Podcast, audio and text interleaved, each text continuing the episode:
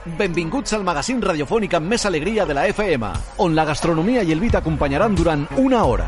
Benvinguts a Vino para disfrutar, amb Carlos Martín. Muy buenas noches, queridos amigos. Un jueves más aquí con todos vosotros en Cultura FM, aquí al carrer Roc Brunat 67 del Poble Nou de Barcelona. Y estem aquí amb Alejandro Sales, como siempre, a mi izquierda, que el, Torquemada de, los restaurantes, el crítico más crítico de, la restauración de aquí de España. Y hoy nos acompaña, ha venido para disfrutar con nosotros también eh, Frédéric Dumelier, que es un francés afincado en Barcelona, que ahora nos va a contar, que él es de, de Dijon. De Dijon. Todo el mundo conoce Dijon por la, por la mostaza, pero los que nos gusta el vino, sabemos que Dijon es la capital de la Borgoña. muy buenas noches, también, muy buenas buenas, noches, Frédéric. Muy buenas, encantado. Y como siempre tenemos aquí a Aleix Alari a los mandos, el crack técnico número uno. Y, y bueno, y contaros eh, que nos podéis seguir en directo por Facebook, nos podéis ver en directo, si sintonizáis, eh, bueno, sintonizáis, si entráis en Facebook y dentro de Facebook Cultura FM. Recordaros también que eh, hay un teléfono que es el 936670022 para persones, per qualsevol que vulgui trucar per eh, si té alguna dubte sobre temes de vins, sobre tema gastronòmic, sobre qualsevol cosa, i que nosaltres els, els, bueno, els podem ajudar, pues, que truquin ràpidament o que tenen, volen compartir amb nosaltres alguna experiència important gastronòmica o de vins, pues encantat de rebre la trucada i parlar amb ells. Y bueno, comentarte, Alejandro, que en el otro programa estuvimos con con Luis Gras de, de Riedel, de las copas de vino Riedel, y tú explicaste que una cosa muy bonita que era la experiencia de comprobar cómo el mismo vino variaba de olor y sabor Según la copa que eh, según la copa, pues eh, deciros que, bueno, yo lo he hecho esto con Riedel y es una experiencia preciosa. Y otro día os contaremos más en profundidad dónde podéis hacerlo, queridos amigos, dónde podéis hacerlo tranquilamente, eh, sin ningún coste. Vais allí a la tienda y, y os, os hacen esta experiencia que es realmente es muy agradable, es muy divertida y ya digo, y a, y a coste cero y bueno, simplemente veréis eh, una exposición de copas preciosas de, de Riedel. ¿Qué más? Pues Alejandro, eh, hoy nos vas a hablar de, eh, de vino, pero de vino agrio, Sí, exactamente, del vinagre. del vinagre, del vinagre. Sí, que el vinagre es una cosa que se le da poca importancia y yo creo que es un producto muy a tener en cuenta. Es un Sí, sí, producto que realmente es muy... Se utiliza básicamente para los ariños, también se utiliza para cosas do- para fines domésticos, para limpiar y cosas de estas, pero realmente el vinagre es es un poco un gran desconocido de los. Hoy han salido muchos tipos de vinagres, desde los aromáticos, con sabores a frambuesa, y pero eh, lo importante es saber cómo se hace un vinagre, de dónde viene el vinagre, si viene de. En fin, os quería comentaros un poquito del, del tema de los vinagres. Bueno, pues eh, a ver, ¿qué es el vinagre? Cuéntanos. Bueno, el vinagre el- es una, una fermentación del vino que se ha estropeado y se convierte debido a. se produce una acidificación. Se vuelve ácido. Sí, entonces eh, esta acidificación está producida con- y se produce ácido acético. El alcohol del vino el- el- se, convi- se convierte en, en un, en, un, en un vinagre. Entonces, entonces lo que pasa es que se convierte en un ácido, que es el ácido acético. Y de ahí, pues, eh, tradicionalmente con las botellas estropeadas de vino se van mezclando y pues del, del vinagre se hace el vino, menos la excepción que es el vinagre de moderado tradicional que hablaremos al final. O sea, yo, yo esto recuerdo en casa que cuando había una botella de solo echaban en todo un sitio y después se utilizaba como vinagre cuando había Sí, una te- botella. con vinagre, cuando se te estropea el vino, lo, lo mezclas con vinagre y se te convierte al cabo de un tiempo en vinagre. Vinagre, sí, sí. Que esto es un poco lo que se empezó a, a- eh, que se empezó a crear a finales del siglo XIX, en 1800 y pico, eh, con el método de Orleans, que era eh, coger las botellas de vino y entonces mezclar proporciones, cantidades iguales de vino y vinagre, y entonces cuando se vaciaba la, la barrica, la- el tonel, se le volvía a rellenar de vino. Entonces siempre tenías, se hacía por como como como, el- como como soleras, de- no eran tres años, eran tres soleras. Y entonces después se dejaban fermentar en, eh, el vinagre, ya hecho vinagre y reposar durante el tiempo durante barricas. El vinagre se puede hacer básicamente de vino, también se puede hacer el vinagre blanco, aquel que cono- que conocemos de los supermercados, aquel de la botellita de plástico, del tapón aquel ridículo que sale, hay que cortar con la tijera. Con tijerilla, y aquel que sale muy blanda la botella, ese normalmente no es de vino, es un vinagre que se hace de caña, de azúcar. Entonces es un ácido acético muy reducido, que es lo que se conoce como vinagre blanco, ¿Que es comestible? Sí, pero bueno, hay gente que lo pone en la ensalada del supermercado este de la botellita de el pitorrito y vamos, esto y después están los vinagres de, desde de arroz, que es los que utilizan en la cocina tradicional japonesa, los vinagres de sida, de, sid- de manzana, que están hechos con sidra. O sea, en vez de utilizar vino, han utilizado sidra y por eso se llama vinagre de manzana, porque la, la sidra sale de la manzana. Y después están los vinagres de Jerez, que son los, para mí son los grandes vinagres de verdad. Los vinagres, vinagres como tal cosa. Y Aparte tenemos a Italia, ¿no? bueno, ahí es donde está el gran dilema. Porque siempre hemos conocido el acheto balsámico de Modena. Bueno, yo- este es el gran fraude que existe del producto. Porque no sé, el acheto balsámico de Modena, al que podemos encontrar en los lineales de los supermercados, mejor no saber lo que es. Porque, no, no, te lo explico lo que es. Es, normalmente es vinagre de arroz teñido con, so- con soja, eh, reducido, para que cojas de todo el peso. Vamos, una auténtica porquería. Lo que pasa es que se ha puesto de moda y claro, y puedes comprar una botellita de cuarto de litro por 3 o 4 euros y la gente se está pensando que está utilizando vinagre balsámico de Módena, que no es ni balsámico ni nada, es más, es antibalsámico, te puede dar un dolor de tripas tremendo. O sea, balsámico es que cura, ¿no? Claro. Un bálsamo. Claro, es un bálsamo. de hecho, ahora os explicaré que el vinagre, el balsámico de Modena, el tradicional, que es que cuando tú ves una botella de, de vinagre, y pone vinagre balsámico tradicionale di Modena, que está hecho en la zona de, de, la Re- Re- de Reggio Emilia. Se producen 6.000 litros al año, exclusivamente. en Solo. to- 6.000 litros al año. Y de la otra variedad, que es de la Emilia Romana, se producen 3.000. O sea, estamos hablando de 9.000 litros. Es un producto excesivo, extraordinariamente gourmet. Y realmente es una- ¿Qué pasa? Que una, eh, ahí hay un, un comité regulador que nos dice que para este balsámico, tradicional, insisto con la palabra tradicional, que, nos, que es- si veis una botella que no pone tradicional, eh, no lo es. No es, es, es un colorines, con, vinagres con colorines. Pues este vinagre eh, tiene que tener mínimo, esto se no, no se hace de vinagre, se parte del, del mismo mosto. O sea, antes de que se haga Antes de que vino. se haga vino. O sea, el proceso se inicia haciendo el mosto. Este mosto se convertirá en vino. Por el proceso de maceración se convertirá en vinagre. Y tendrá que pasar un mínimo, mínimo de 12 años en barrica de roble. 12 años. 12, mínimo. Como un, whisky, Sí, como un entonces estos, o sea, para que las estas siempre se venden en botellitas, normalmente son redonditas, como forma de, mat- de pequeños matraces, de, de una cantidad entre 50 y 100 centímetros cúbicos. A ver, el más barato que yo conozco son 50 euros. En la botella de 100 centímetros cúbicos, el más barato. Estamos hablando de 500 euros el litro. Uno mejorcito, de los baratos, son 100, 150 euros. Ahí estamos en los baratitos. 150 euros, o sea, estamos hablando de 1.500 euros el litro. Y ya cuando llegamos a un buen balsámico de 100 años, se puede llegar a pagar entre 600 y 800 euros por esos 100 centímetros cúbicos. Con lo cual, en lo que vemos en los supermercados, vinagre balsámico de Modena, quien tiene, tiene las santas narices de poner vinagre balsámico de Modena, porque la gente se piensa que es esto, es, yo considero que es uno de los más fraudes más importantes que existe en el mundo de la gastronomía. Entonces, volvamos al principio. Tenemos los buenos en España es el vinagre de Jerez, Jerez, fantástico. fantástico, y eso fundamentalmente, Pues se hace con los vinos de Jerez. ya, ya. La pregunta es, ¿qué recetas, aparte de la ensalada, hay recetas específicas de que Sí. se hagan con, con, con Bueno, hay una cosa que es muy buena, que si tienes el, el auténtico, acheto, balsámico, tradicionales, siempre digo que esta palabra, tradicionales de Modena, unos tacos de un parmesano, rellano, envejecido, tiras unas gotas de vinagre, de este vinagre, después el, el otro, mejor salir corriendo y, y- y no acercarte nunca más donde te lo han puesto, pero si pones unas gotas, que eso es- que puedes ponerlo con cuentagotas, porque realmente el, el sabor es extraordinario. Y después hay un plato, que mira, hoy como tenía que hablar del vinagre de Modena, me lo he preparado, que es el hígado a la veneciana. Es un hígado de, de ternero, de cordero, de lo que tú quieras, con aquí clásico hígado encebollado, y al final de hacerlo, tienes que añadirle unas gotas, insisto que con unas gotas son más que suficientes, no tan solo por el precio, sino porque el sabor es tan potente que echando unas pequeñas gotas encima del- de, de este guiso es más que suficiente. Y realmente entonces es cuando notas los sabores, los sabores balsámicos y ves que aquello ha cambiado de... Pero yo digo, y una ensalada aliñada con unas gotas, unas, es que se ponen unas gotas solo de vinagre, es otro mundo. Pero no, Bueno. no, por favor, que la gente no utilice. Y bueno, y hay una cosa todavía que es peor. Que ya estos, que se vende esto y reducido, que es lo que te ensucian los platos de negro.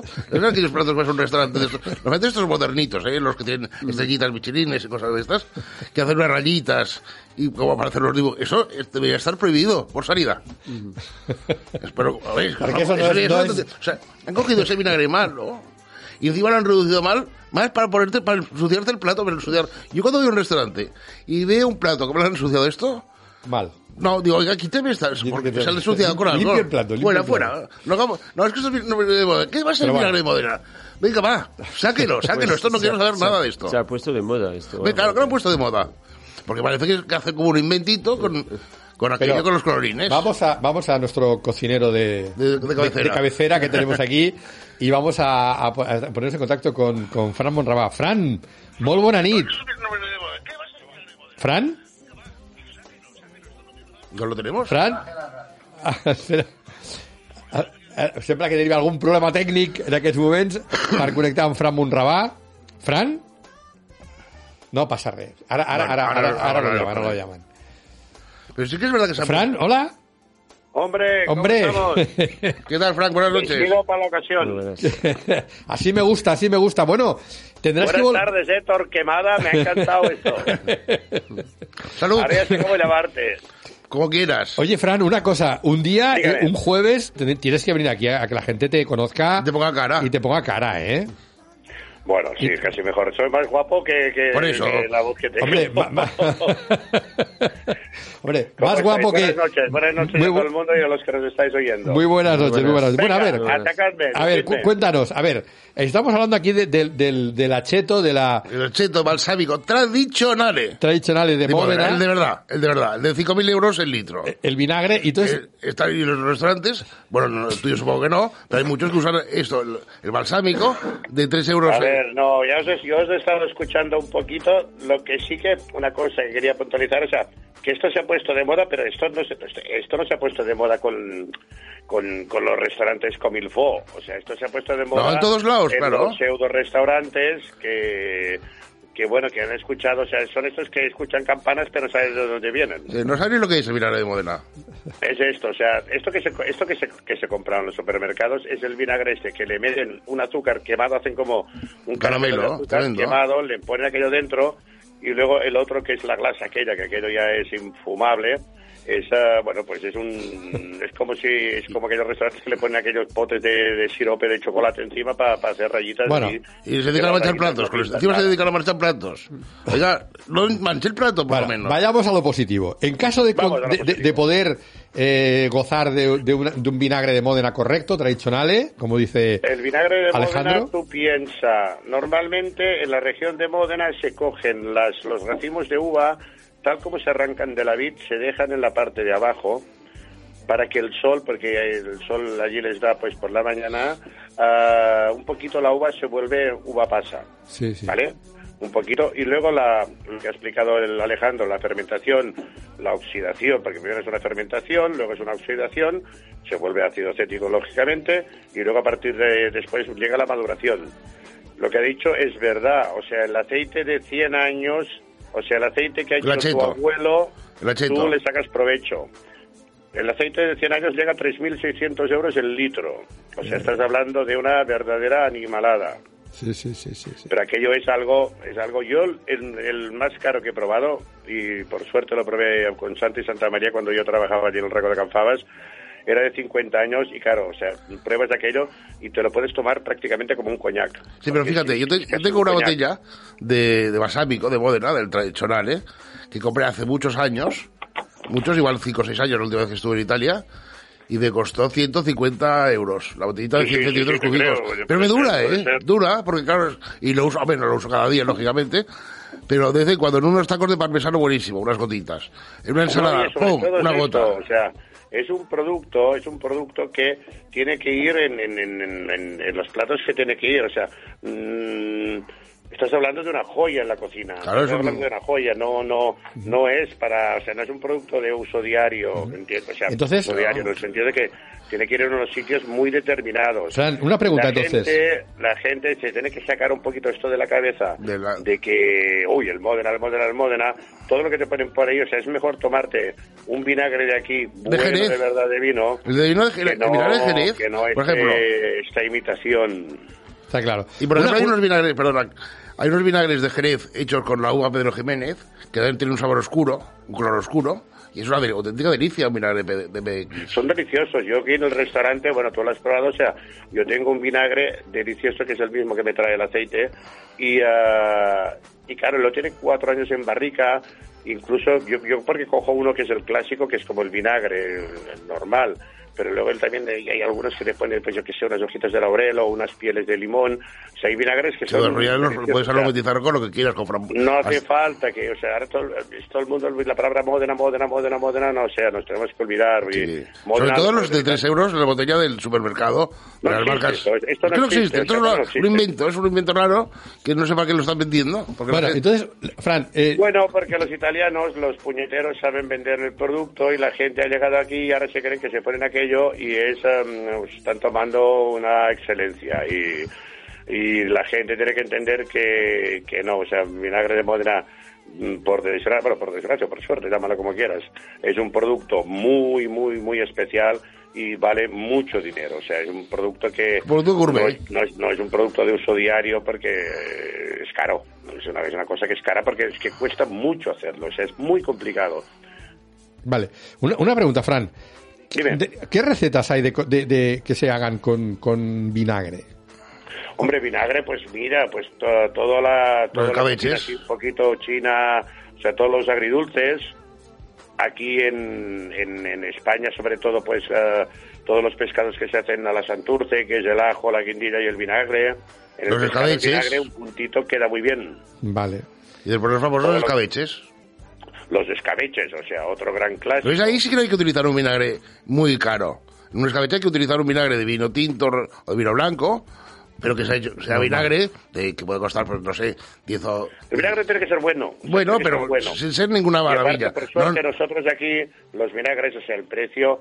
De, de- es que la, la gente tiene que entender que, yo qué sé, pues, si de, de un vinagre malo, este que hablabas tú del tapón, aquel De plástico, de tienes que plástico, cortar sí. la puntita aquella, Sí. de este vinagre al, al- al- a un vinagre bueno puede variar mm, tampoco mucho, puede variar 6 euros el litro o 4 euros el litro.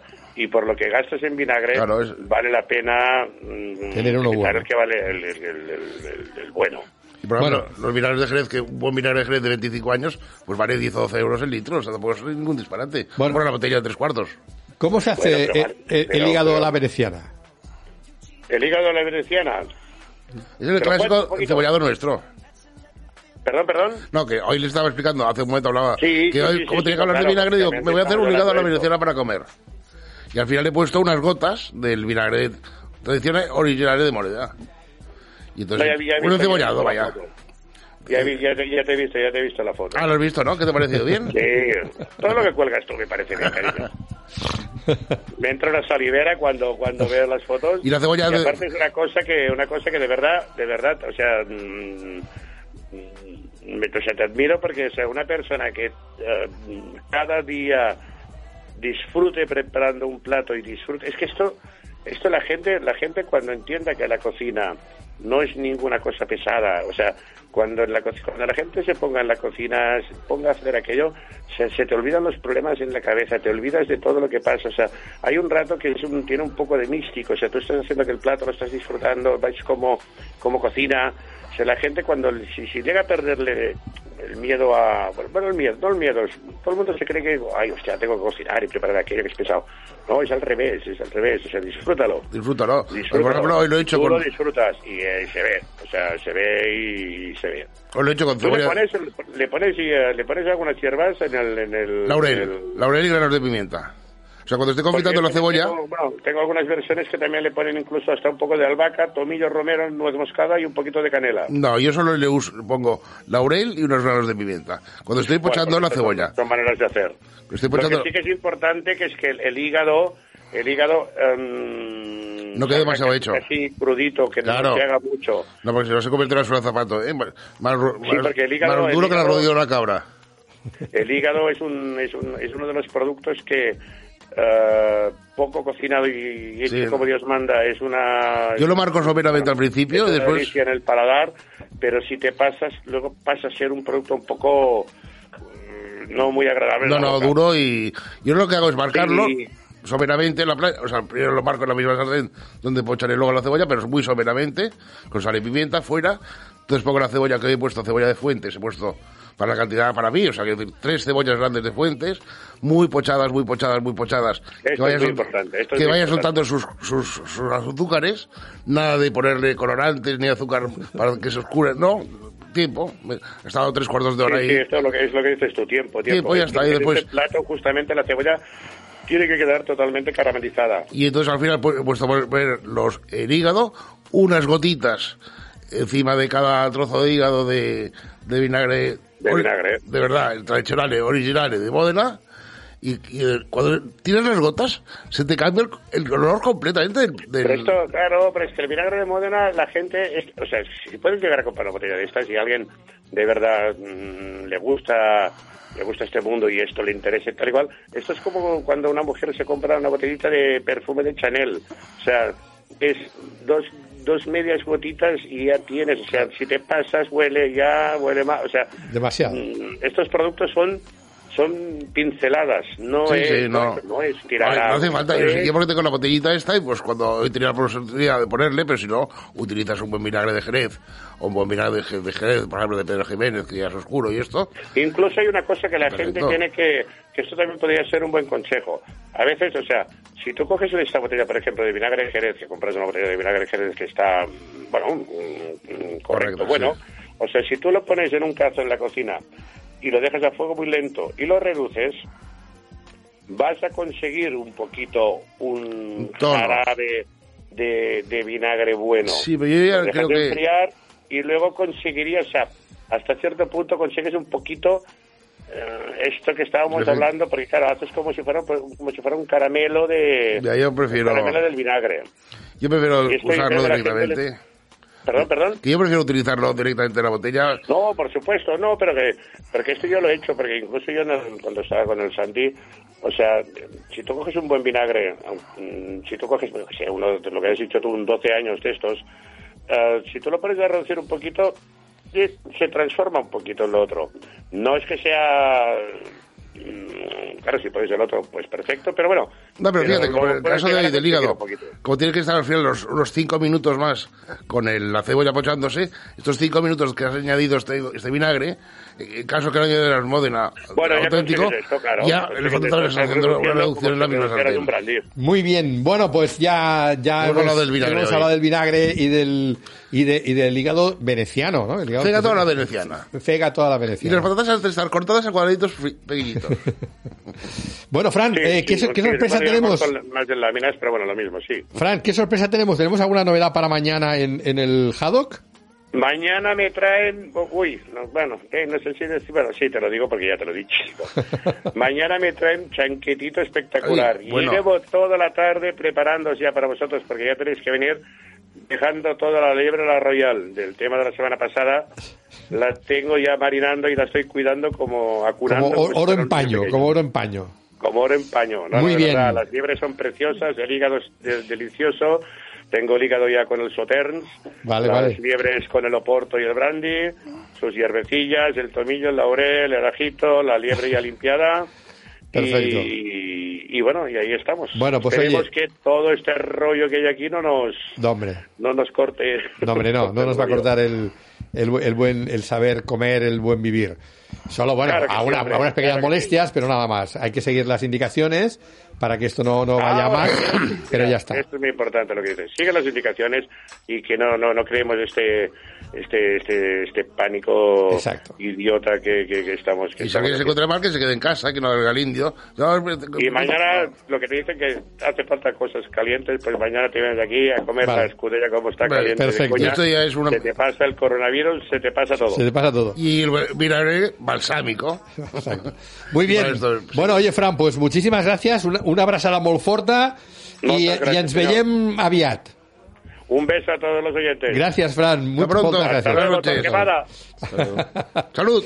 Bueno, pues ahora, como siempre, ponemos una música para cambiar de tema. Y la música que hemos escogido esta noche es una música que tiene nada más y nada menos que 37 años. Es una música de 1983, pero que todo el mundo conoce, todo el mundo le ha gustado. Y yo creo que si hiciéramos una lista de las 10 mejores canciones de la historia o de nuestra historia, yo creo que estaba ahí seguro, vamos. Y la canción se llama Every Breath You Take, es cada vez que respires, y es de Police, y ya suena así.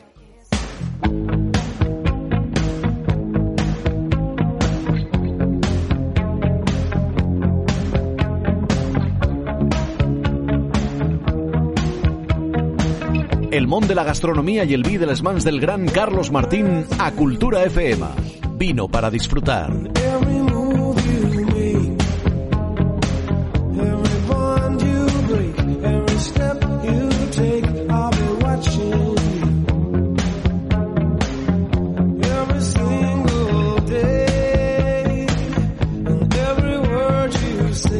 Cada dijous de 20 a 21 hores a Cultura FM. Vino para disfrutar amb Carlos Martín. watching you. Oh, can't you see? You belong to me. Our poor heart aches with every step you take. Tertúlies, convidats, recomanacions i molt més a Vino para disfrutar amb Carlos Martín.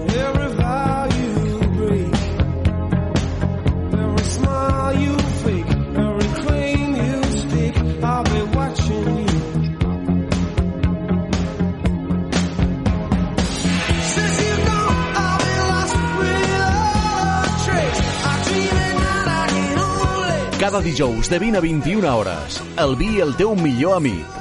Vino para disfrutar amb Carlos Martín.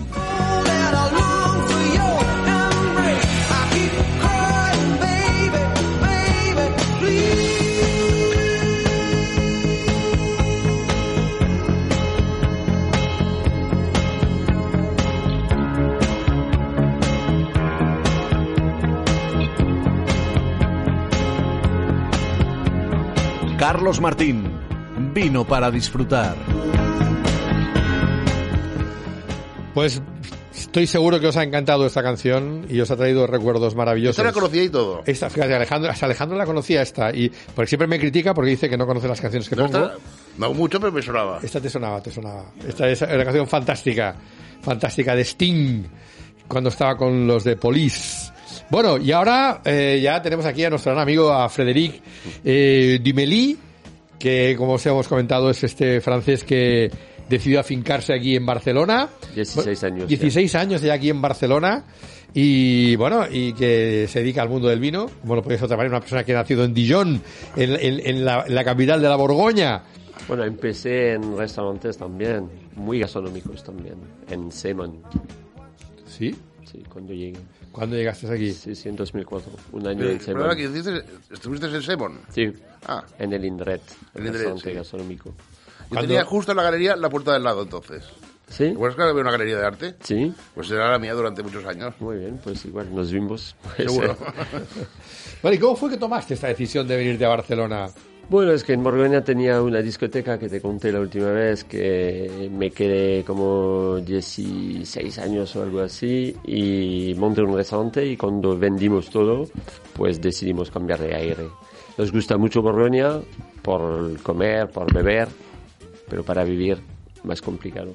Y La temperatura, no- el clima no sí, el mismo, temperatura y son pueblos pequeños, entonces teníamos como la, la, la idea con mi mujer de, de, de ver a otra cosa. Entonces habíamos hecho como una selección de varias ciudades, quedamos una semana en cada y al final nos gustó mucho Barcelona, muy fácil para ir a Francia. ¿no? Yo siempre, siempre lo digo, lo comento delante de todo el mundo.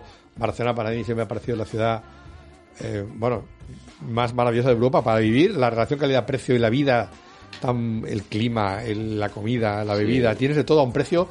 A ver, comparado con otros sitios de España es más caro, pero comparado con el resto de Europa Claro. está bastante bien. comparada con las capitales más importantes de Europa, no, es que no hay color, vamos. Y, y hace 16 años mucho mejor. Exactamente, Porque los mejor. alquileres desde este tiempo pues no han hecho que subir.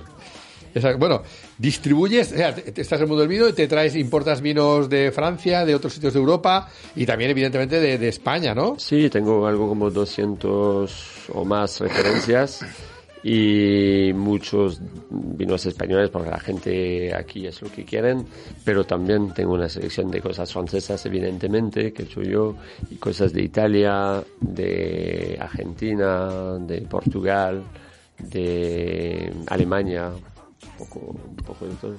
Vale, vale. Una pregunta, ¿cómo, cómo ven los franceses? O sea, explícame cómo ven los franceses el vino español. En general, o sea, no, no tú solo, sino cómo crees que, que los franceses vi- ven el, el vino español. Yo Bueno. creo que no lo miran mucho, ¿eh? Son muy No, críticos, son muy críticos como siempre, Con lo Sí. suyo. a veces prepotentes. Bueno, todo, a ver, Pero- todo- a ver, que, el, que, el que ha podido ser prepotente normalmente en la vida a veces lo ha sido, ¿eh? Es Sí. verdad que no, no todo el mundo puede. No, pero yo creo que es, es más que aquí hubo como una cultura de cantidad más que de calidad. Y esto nosotros lo hemos notado y yo cuando llegué me sorprendió mucho. Eh, precios muy baratos, litros y y cantidad y cantidad. Aquí hay una tierra fantástica para hacer buenos vinos y hay muchos buenos vinos. Lo que faltaba en esta época eran buenos enólogos. Pero muchos se han venido, eh, se ha trabajado bastante, han, esto, han hecho stage fuera y todo eso y al final ahora tenemos unos vinos de nivel. Pero es más eso, la tierra es buena, pero había como una cultura de, de, de- Hacer vino por de hacer vino. cantidad, de cantidad. No, o sea.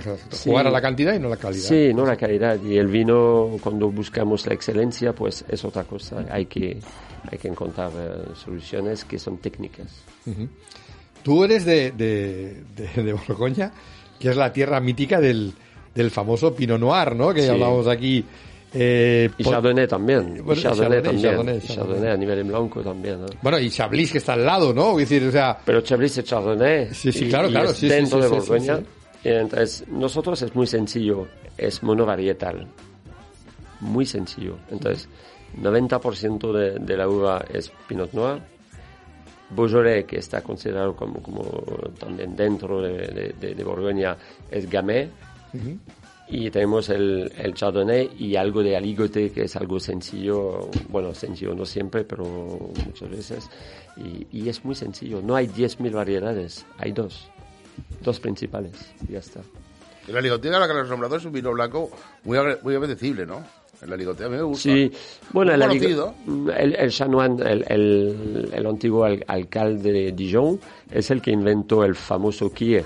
El Kir Royal. El Kier. No, el Kier Blanc, El Kier. Kier Blanc, el Kier. claro. Entonces, es aligoté, la Aligoté receta con- con original casis. con crema de casis de 20 grados. Sí. Cuidado, solo de 20 grados. No de 15 como en los supermercados. Esto es como el Sí, no, vinagre de Modena, es Sí, igual. verdad, aquellas botellas alargadas, las de Kir, no las de... Sí, sí, sí. Entonces con un, eh, un- y es, son dos, dos tercios de, de, de Kier? crema de casis Sí.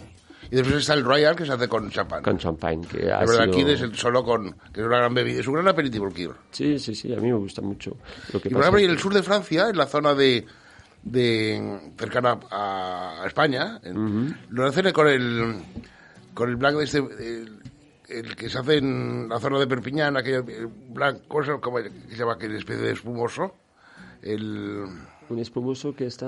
sí, en el sur de Francia hacen espumoso, Ujú. bastante malo como el de aquí, Sí. pero es tipo que se hace mucho con el, que entonces lo ponen con también con casis o con Bueno, yo no- creo que nunca lo probé, pero f- es un derivado que no tiene mucho interés, creo. no, no, la verdad es que no. Vale. Ellos te lo dan mucho por aquí de aperitivo. A ver, tomar un buen Pinot Noir, bueno, un Pinot Noir que digas, oye, esto ya es un buen Pinot Noir, ¿se puede conseguir un Pinot Noir a un precio aceptable Ah, o uh. tenemos que irnos a muy alto? ¿Pinot Noir de Borgoña o no? Porque de Borgoña, hay otras de Borgoña, zonas, ¿ah? de Borgoña, de de Borgoña. Borgoña, Sí, sí. Bueno, eh, es como todo. eh, calidad, pues siempre vale algo. eh, pero puedes encontrar ahí. Lo más importante en Borgoña, y es un concepto distinto de lo que hacemos aquí, es que no siempre es el vino en el mismo, pero es la persona que hace el vino. Puedes encontrar un buen pinot de un, un simple village de alguien que trabaja bien, a un buen precio. Eh, el concepto es distinto, es quién lo hace. ¿Tú estás de acuerdo con la frase aquella famosa de que el Cabernet Sauvignon es la uva de Dios y el Pinot Noir es la uva del diablo, ¿no? Porque es dura, ¿no? Es difícil. Puede- Es dura para, para el viticultor, para él que lo hace. Sí, es muy difícil vinificar la Pinot, muy difícil, mucho más complicado que la Cabernet.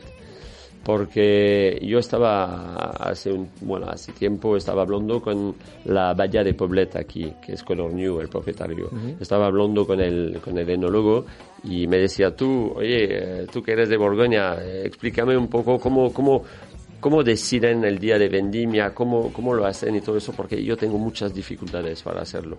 Y, y, y es verdad, es, no es solo la fama, es que eh, es muy difícil eh, escoger el buen momento para hacer un buen pinot, muy difícil.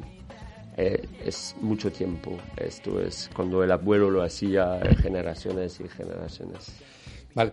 De los vinos que tú tienes, tú, ¿cuáles, ¿cuáles destacarías como buenos vinos que dices, oye, estos vinos merece la pena probarlo porque realmente son... Yo tengo Porque, ti- porque cosas- tienes una gama importante, ¿no? Sí, hablando yo de- tengo cosas de Loire, tengo Sancerre que son fantásticos. Fantástico también. Sí, tengo Sancerre que son fantásticos. Tengo un rosado que es el único rosado que hace la Romane Conti, la famosa bodega de la Romane Conti. Hace un rosado, es Aubert de Vilaine y la casa Dujac en, en Borgoña, que es bastante conocida, y hacen un rosado que, que vale, vale muy poco y que es fantástico. Se llama Trien. Matrien. Trien, sí, es un rosado fantástico. ¿De estos claritos o más? Claritos. Es que son sí, los buenos. sí. Claritos, sí, sí. Un poco los, como los de la zona de, de la Costa Azul, ¿no? Sí, sí, sí, sí, es del bar. Y vale la pena. Bueno, eh, des- destacar, pues eh, tengo uh, Sancerre, tengo vinos de Loire, Chenin Blanc, que son fantásticos, con un pequeño produ- productor que se llama Benoît Gauthier. Tengo cosas de, de Borgoña de Pascal Marchand, que es uno de los... Pascal Marceau. Pascal Marchand. Marchand. Marchand. Marchand. que es uno de los grandes de Borgoña, uno de los más conocidos. Han hecho una película hace muy poco sobre él que se llama Grand Cru. Y él cuenta su filosofía, es uno, uno de los primeros que ha hecho vinos biodinámicos en Borgoña. Y es una. Es, es- es aprender mucho es con él, es amigo. ¿Y una botella de Pascal Marchand cuánto puede costarnos? Un... Bueno, sí, eh, él tiene un En la negocio. tienda, en la tienda. Él, es- él es negocio, entonces tiene una parte con uva que compra y una parte con uva de propiedad. Entonces hay dos tipos de vinos. Eh, si te vas al negocio, puedes encontrar un buen vino para 20 euros, 25 euros. Buen vino, ya de un cierto nivel. Y después, evidentemente, para tener la excelencia, que sea del Chardonnay o, o del Pinot, pues tienes que poner 50 euros. ¿A ti personalmente cuál es el vino que más te gusta? En general. Yo soy bastante abierto. Eh, Yo, muchas veces un buen vino es un recuerdo que tienes con buena compañía en un momento que no sabes por qué, porque, pero salió algo muy bonito. Entonces tengo varios recuerdos, pero por ejemplo yo era muy amigo de alguien en Borgoña conocido que se llamaba Philippe Angel, que es una bodega que ya no existe porque él se murió, pero un Clos Vougeot de, de Philippe Angel o un Von Romané au brûlé, era fantástico y son de mis mejores recuerdos, pero ¿por qué también? Porque yo estaba en la bodega con él y catando así, charlando, hablando. Yo, parafraseando a, a Jorge Valdano que decía que el fútbol es un estado de ánimo, yo siempre digo que el, que el vino es un estado de ánimo. Si estás bien rodeado, si te lo estás pasando bien, el vino te sabe, Un buen compañero de viaje. te claro. sabe a gloria, te sabe a gloria. Después sí. es una cosa que es muy importante, que los vinos... eh, yo soy muy partidario de que el vino sea muy regional, es decir, si tú estás en la zona de Burdeos, tómate un Burdeos, si estás en la zona de, de la Costa Azul, tómate un BOM, si estás en la zona de Borgoña, tómate un Borgoña. Claro. Y yo creo que esto incluso es extrapolable, incluso pues, si te vas a Hungría, pues te- tienes que tomar un Tokai, o si vas a Grecia, un Retsina. Claro. Porque en el fondo el vino es... es es cultura, es, Sí, sí, es sí, el punto es algo- de... Es el terroir, es el, terroir. es el concepto de El terroir, terroir. que nosotros en Borgoña tenemos muy presente y es algo muy sorprendente. y es básico. lo- Sí, lo pero, terroir. pero es una palabra que muchos no entienden. Yo me acuerdo, estaba explicando a un DJ, porque cuando, eh, cuando yo era en, en la noche, pues un americano muy conocido, uno de, de los primeros de la techno, eh, estaba conmigo catando en esta bodega que te digo de Philippe Angel y me decía, pero Fred, ¿me puedes traducir terroir? en inglés. Me decía, ¿qué es? No lo entendía el concepto. Le digo, Derek, que es Derek May, uno de los grandes, le decía, no, no, no te lo puedo decir en dos minutos esto, el concepto de terroir. Eh, eh, nos tenemos que sentar y te voy a, a hablar de la inclinación, te voy a hablar del, de- del- del sol, te voy a hablar de la tierra, te voy a hablar del viento, te voy a Yo hablar soy de... muy partidario de esto. A ver, en la ciudad que tú vives, lógicamente, puedes tomar cualquier tipo de vino, desde franceses, Mm. desde aquí, es igual. Pero cuando viajas, y yo siempre aconsejo que cuando viajes, tomes los vinos de, De la de la región. Por ejemplo, ahora me acuerdo cómo se llamaba el de este de- del sur de Francia, es la Blanquet de Limousin, Ah, que de no es Limoux. nada especial. Ah, el Blanc Limou, sí, sí. La Blanquet de Limousin, sí. No es nada especial, es muy espumoso, muy amarillo, sencillo, muy sencillo. es muy sencillito, pero, Pero ahí tiene- hay que tomarlo. Cuando vas a la zona de, de, de y todo esto, la- los, entonces a los cátaros, entonces está al lado de un, ca- un castillo cátaro, te tomas un blanquet de. Bueno, Claro, es un ese es el, concepto- ter- el sentido de terroir, ¿no? Es un concepto gastronómico, es decir, Sí. que siempre si hubo tal vino en tal zona, quiere decir que la comida pues Bueno. va, va con este vino. Y ahora, que, que el tiempo vuela, ¿eh? que se nos Sí. va el tiempo. eh, ah, yo quiero, quiero contarles a todos los amigos oyentes que este hombre, eh, Frederic, ha hecho un vino, un vino que, que se llama La Mundial, que, que tengo aquí una botella de vino rosado y otra botella de vino blanco, que son unos vinos especiales. Cuéntanos, por favor, este proyecto, Entonces, este, que es, que es este proyecto, apasionante. bueno, este proyecto es un proyecto que no he creado yo. Eh, esto lo, lo hizo una amiga francesa, se llama Ariane, que era en marketing aquí que trabajaba en el Penedés. Entonces, ella ha pensado todo y es ella que, que- que ha hecho toda la base de esto. Nosotros lo recuperamos después y siempre lo hemos eh, mirado desde cerca, porque pensábamos que este concepto era muy, muy inteligente. Porque, ¿qué es? Esto es una base de vino blanco rosado. El blanco es parellada con Macabeu, base neutra, la más, la más neutra. Y después ponemos unos extractos naturales, biodinámicos, de fruta, que vienen de Grasse, de Francia, que es la meca de, de los extractos. Los cítricos de Chanel, por ejemplo, que hablamos de, de Chanel, pues son, son los mismos que los que encontramos en esto. Entonces, eh, ponemos algo de azúcar porque queremos que sea un aperitivo y dos bares y medio de presión y tenemos esta burbuja ligera que nos hace un equilibrio perfecto con el azúcar. Entonces, la receta es fantástica porque está hecho por uno de los mejores enólogos catalanes. Estoy viendo, estoy viendo aquí que es un vino, yo lo he probado, es un vino súper suave. Sí, Es un vino que tiene unos 7 grados solo de Siete- alcohol. como una cerveza, sí. Es una cerveza, es un vino frisante, es un vino que tiene un puntito de, Tengo muchas ganas de probarlo. de aguja. Y aparte me gusta mucho Y es súper agradable para tomar. eh, bueno, Antes de comer, para mí, Ponga Para-. Sí, ape- apero, apero. Esto, esto, por ejemplo, es fantástico. Es la receta aquí, aquí es fantástico también. Es más perfumado, es muy de melocotón de viña. Esto es más de naranja y aquí el secreto es que utilizamos la piel de la naranja. Y la piel de la naranja nos da un amargo fantástico que nos restablece el equilibrio dentro de este vino. Cuando caté esto la primera vez dije, él que lo hace sin saber que no lo había hecho, dije a Ariane que creó esto, este te lo ha hecho alguien que sabe de vino, que sabe equilibrar un vino. que sabe de vino, porque está hecho como si fuera un vino. Eh, es Bueno, es igual. que es un vino. Sí, es un vino, Sí, sí. pero, pero tiene, tiene todas las calidades de un gran vino para mí, porque tiene una persistencia tremenda. Y estamos hablando de un vino que en la tienda, 8 o 9 en la tienda estamos hablando de 8 o 9 euros, es un vino Sí, absolutamente bueno, asequible. aperitivo, esto, que- esto, por ejemplo, que decías tú, que lo tomas con- incluso hasta con un hielo puedes tomarlo, ¿no? Incluso, Sí, ¿no? pero si tomamos con hielo, esto 8 grados, súper bien, fresco, agradable así. Con hielo, mm, cubitos de hielo bastante Grande. importantes, grandes. sí, Para que no se si deshaga. No se No, no, deshace. para que no des- se deshaga, por deshace, sí, sí, sí. Grande y muy frío. Sí, sí, sí, No, mejor. pero aparte, me encanta el concepto de la botella de- con, con chapa. Con chapas es Es un concepto inteligente Sí. de tomar... Eh, Es un vino, ya digo, de cara, a- bueno, para todo el año, ¿no? Pero de Sí. cara al verano, Sí, es- es un vino que entra suave, es un vino súper agradable, es como, como- tiene la misma relación de una cerveza y es, ya digo, tiene yo un, imagino, un en sabor. una terracita antes de almorzar, Claro, claro. una de estas, pones cuatro aceitunas buenas o, o cualquier, cosa y Sí, es es- un aperitivo delicioso, ¿no? Sí, Pero, sí, claro, al tener este punto frisante, también le da este valor añadido a una cosa que se va un, como un aperitivo, ¿no? Claro, es como en la idea, siempre la burbuja está asociada a la fiesta, algo agradable, eh, algo que celebrar y todo eso. Por eso pusimos esto. Y es- esta- esta- Porque la etiqueta es preciosa, ¿eh? sí, Sí, sí. La Mundial. Sí. Sí, la O sea, mundial. recordar, se llama La Mundial. Sí. Eh, está hecho en Barcelona, Ujú. Al lado, en el Penedés. en el Penedés. Eh, bueno, sí, claro, el Penedés ya es la provincia de La Granada del PND. Sí, sí, la Granada del, Pane- del Penedés.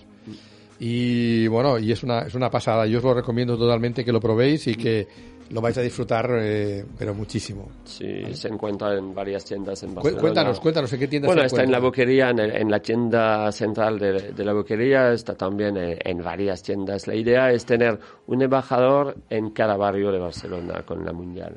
En Sarria estamos con una epicería con unos franceses, estamos en el, en el Borne con la gran bodega del Maestrazgo, en Divi, en Muntaner. Por, En Divi. Divi con, con, con, esa Con chica- Nuria, Con Nuria, con que no Nuria. me acordaba el nombre. Pero yo que- si tuviese un, re- un bar, un restaurante, un bar, más, más, de bar, sería una cosa que me gustaría tener y ofrecérselo, para dárselo a conocer a mis clientes, o probar esto, de definitivo, hoy esto. Y va a en vez ser- de pedir un, un Campari o un vermut, una Sí, cosa para cambiar, sí, hoy sí. esto.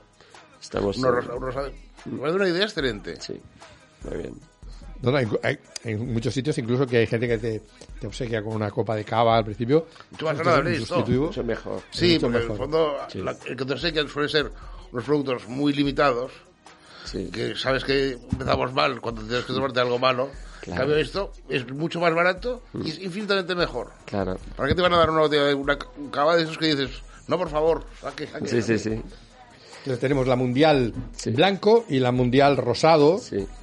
Que bueno, que son tienen, la verdad es que no, no- o sea, y yo me, me gusta más, bueno, me ha gustado los dos, ¿eh? no tengo ningún problema, porque los, los probé el otro día eh, fresquitos y están, están fantásticos, pero bueno, yo soy un poco más de vino tinto que de vino blanco. A mi mujer le gusta más el vino blanco, pero bueno, Bueno, es, es- bueno. eh, lo curioso de todo eso es que nosotros ya entramos en varios países ¿eh? fuera, de, fuera de España, porque esto se vende algo en Francia, se vende eh, en Escocia, por ejemplo, vendemos solo el rosado, Eh, en Mallorca mucho el blanco. Según el país cambia un poco el color, es algo curioso. En Bélgica funcionamos mucho con los dos, pero un poco más con el blanco. y se llama la mundial también allí. Es igual, Sí, sí, sí, es la misma botella. Eh, esto es un producto que ha sido pensado para fuera, la imagen de Barcelona, la fiesta y todo eso. Y, y el buen vivir de Barcelona también. No, yo creo que es una idea excelente.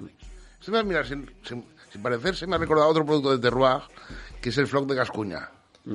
¿No? Es, es un, un aperitivo muy bueno que se da en la zona de la, de la Gascuña francesa. Es que aquí, amigos míos, no, ya os habéis dado cuenta que a Alejandro le encantan los aperitivos y le encantan los cócteles. Bueno, sí, esto es otra historia, pero... Ya, ya. Esto es una base de cóctel fantástica. De hecho, estuvimos, estuvimos en, en Francia, en Montpellier, en una, un lugar muy de cócteles. Y el chico cuando probó la blanca me dijo, esto es un producto para base de cócteles, para hacer un- algo fantástico. Seguro. Sí, porque hay como, la receta es muy, muy especial. Bueno, no lo sé, ahora sí, pensando, pensando en voz alta. ¿Con qué mezclarías esto? Por ejemplo, con un peix de viñ. Con un licor de peix de viñ, ¿no? Una... Sí, porque esto es... eh, Entonces haces una especie de, de un kir, en cierto modo. Sí, eso es Pero vez de de usar viñ. casis, un peix de viñ, o sea, melocotón de viña. Pero el licor, el licor, ¿eh? De- Esto es más cercano a un vermut, una sangría, estamos un poco a mi camino entre todo eso. Pero esto es muy de pez de vino, muy de pez de vino, sí. Y la pequeña, muy concentrada. Sí. Y, y aquí eh, lo que digo es que hay muchas bebidas que son así, entre comillas, bebidas que son de bajo grados, mm, perfumadas. Muy apetecibles. Pero el- la gran diferencia, como el vinagre de Modena, es que ellos utilizan aromas. Nosotros no utilizamos aromas, son extractos naturales biocertificados de fruta. Entonces, la sensación que tenemos cuando abrimos esto no es la sensación de un jarabe, es la sensación de, un- como si fuera una infusión. Entonces, Qué es bueno. algo que, que sale, el melocotón aquí es potentísimo. Y cuando sale, pues yo en Bélgica, estuve en Bélgica, y cuando lo, cata- lo catan los belgas, me dicen, pero esto es tremendo a nivel de, de la, la- la potencia que hay a nivel del melocotón. Y es verdad. Es un nuevo concepto en el fondo y creo que es, Sí, yo creo que se es- tiene que usar. es- hay que- No, a mí, es Además, yo no lo he probado nunca.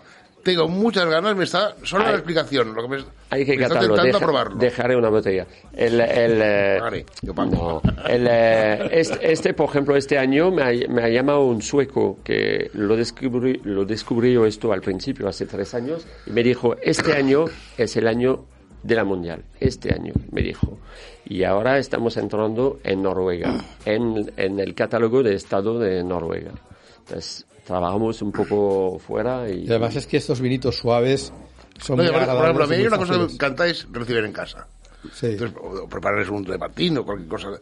Pero eh, ahora se me está ocurriendo que cuando recibo a gente en casa, vienen unos amigos a, tomar a comer, y antes de darse un aperitivo, lógicamente, me voy a decantar a darles a probar esto. para sorprender. Sí, Y- entonces- sí, sí, es la sorpresa y sobre todo esto para mí es un concepto muy bueno. es un concepto nuevo, ¿no? Es, un decir, concepto de No puede haber futuro. a nadie que no le guste, además. No, no, no, esto Porque- gusta a todos. Sí, encontré una persona que, que no le gustaba, una chica, eh, cuando estuve en el Barcelona Wine Week hace poco, y es la primera vez que me, que me dijo, ah, no, a mí no me gusta, y me sorprendió, pero le dije, ¿te gusta mucho el vino? Porque le gusta mucho el vino y más tinto, un poco Bueno, potentes. Pero pues, cambia el chip, estás Sí. tomando otra cosa. Sí, yo creo que, voy a hacerme sin conocerlo, pero ya el concepto me gusta tanto. un concepto que cuando tengo mi cuando me gusta, como me gusta recibir, pues mira, en vez de recibir con un vermut o con una cosa de estas, que pues daré una ¿Cuál sería la copa adecuada para beberlo? Una, no, no, no la, no la grande así de ¿Quieres una copa de ginebra, champán? ¿sabes? No, no, champán no, ¿Tampoco? tampoco. No, no, hay, hay dos maneras de tomarlo esto. O sea, el típico vaso, ¿sabes? Como en, en, eh, en Bilbao y todo eso. Zurito. El clásico, sí, este. Es zurito, o sí. si no, uno con pie, no tipo viñerón, ¿sabes? No, no demasiado ancho, tipo viñerón así. Es, es lo mejor, si pones hielo. Sin hielo, el este. tipo de... Sí. Y fresquito, ¿no? O sea, yo Y lo fresquito, fresquito. 8 grados está súper bien y hay calidad. Entonces, no, no es condensada, pero es una bebida como hay algo de azúcar que es mucho más Sí, agradable. igual también sería bien, la, no sé, el vaso del pastis, ¿no? El que es un poco Es, el pastis es así. alargado, sí, pero que se va abriendo un poquito. Sí. Igual puede quedar bien también No, ahí. a ver, a ver. No sé, porque ahora estoy pensando cómo servirlo. No, esto, el concepto es muy bueno. Cubitera bonita de, de planteada, las botellas dentro de la cubitera, que es muy bonito. Digo, esto es un concepto para los jóvenes también, porque los jóvenes, pues con el vino hay como... El, el vino parece muy complicado para un, para un joven. Y esto es como acercarse al mundo del vino sin estar dentro, ¿sabes? Es como el primer paso. Sí. Mucho mejor que la Coca-Cola. sí, claro. Y es como acercarse un poco al gusto del vino. Y después descubres cosas más complicadas o ma- más, más complejas. Hombre, yo creo que para la gente joven es un, es un producto muy agradable Sí. porque es súper suave. Este, por ejemplo, tiene un punto, un punto de, de- el sabor melocotón que tú comentas que es agradable. O sea, es súper agradable. Es, es, es Sí, sí, lo veo mucho, sí. O sea, que tiene, tiene, la verdad que tiene todo para triunfar. O sea, sin ninguna duda. Eh, oye, pues yo la verdad que eh, he querido que vinieras a enseñárnoslo porque me ha encantado. Me parece un producto fantástico y lo recomiendo a todas luces. Mira, yo lo voy a servir. Lo probáis. Ahora estoy pensando, ¿eh? El rosado, por ejemplo, acompañado de unos anacardos fritos con hojas de curry. Anacardos fritos. Frito, Pero bueno, el eso- anacardo, pues sí. comprarlo tostado, pero yo normalmente lo hago en casa, frito, como las almendras fritas, Sí. anacardo con hojas de curry. Es una Oye. auténtica delicia, ¿eh? después lo sacas. Pe- y, y- pero los- lo pasas por la sartén con las hojas también. Sí, sí, llevo una, una sartén, no, una sartén, no, no, un cazo, Un cazo. hasta arriba de, de aceite, Sí. Ah, bueno, aceite pero, de, oli- de girasol, ¿eh? otro aceite. pero el, el, ¿cómo se llama? el anacardo ya tiene mucho aceite, ¿no? Sí, pero con las almendras también lo tienen. Las almendras se fríen también. Sí, sí, sí, pero a ver, Y cuenta, entonces cuenta. cojo los anacardos, los pongo dentro de este aceite de girasol eh, y voy friéndolos despacio y añado la hoja de curry, que no tiene nada que ver con el curry, eh, con Sí, el sí. polvo de curry. Es uno, la hoja de curry es uno de los elementos del curry, que al final es el que le ha dado el nombre, pero vamos, la hoja de curry me parece una cosa deliciosa que tiró dentro del, del aceite. Entonces los, los, los los anacardos, los, los desquejar sobre un trapo para que chupen todo el aceite, le- ponerle la sal y dejarlos reposar por menos 10 minutos para que se vuelvan a vez duros, porque si no quedarían blandos. Entonces yo me estoy imaginando en la, en la mi piscina una tita esta es muy fría, unas hojas de, con unos anacardos, unas hojas de curry, bueno. Y, ¿Por qué no? ¿Por qué no? Con este sí, igual pega bien. Con este sí, con es- este imposible, pero con este sí. Sí, yo lo veo más con el rosado. Sí, sí. Y con el blanco déjame pensar un poquito unos días, que el próximo día le pensaré con quién... eh, Muy bien. Gracias. Bueno, pues oye, eh, el tiempo se nos va. Sí. Parece que no, però ja són, queridos amigos, són les 20 i 54 minuts. Falten 6 minuts per les 9 i, i bueno, i hem deixat pas als següents que venen darrere nostra. Y bueno, pues muchas gracias a todo el mundo por seguir aquí a nuestro lado. Gracias, Frederic. Ha estado un placer que, que- Un placer. que estés aquí con nosotros, un placer. Y bueno, y te seguir- espero seguir viéndote cuando hablemos de... Vamos a montar un día un especial de, vinos de Borgoña, cuando esté aquí Josep. Que Josep, yo creo que la semana Y que antes viene... hablabas un momento de los vinos de Alemania, que también importabas. Sí. Por ejemplo, yo recuerdo, eh, co- como has comentado Simon, tenían unos que me encantaban, que era el Leo Frank Milk. ¿Te- ¿Lo recuerdas? Esos vinos, vinos de, de Mosela. Pues- Y uno se llama Leo Frank Milk. Pero de Alsacia este. No, Mosela. Sí, Alsacia. Sí, sí. Bueno, de, de Francia. Sí, sí. Ah, sí, sí, sí. No, no, era alemán, era alemán. Era alemán, Sí. ah, del otro lado. Sí, sí. Ok. Vale, vale. Pues no me acuerdo muy Y bien. tenían tres, vo- tres variedades en, en Simon de vinos de Alemania. Y uno, el que recuerdo que me gustaba más, era uno que se llamaba Leo Frank Milk, o sea, la leche de la Virgen. No, tenía, tenían unos vinos señora, sí. eh, fantásticos. Sí, en Simon. una, cosa, una novedad. Y ese fue un vino que también lo usé mucho tiempo como un aperitivo, porque era un vino muy diferente y me divertía ser- servirlo de aperitivo.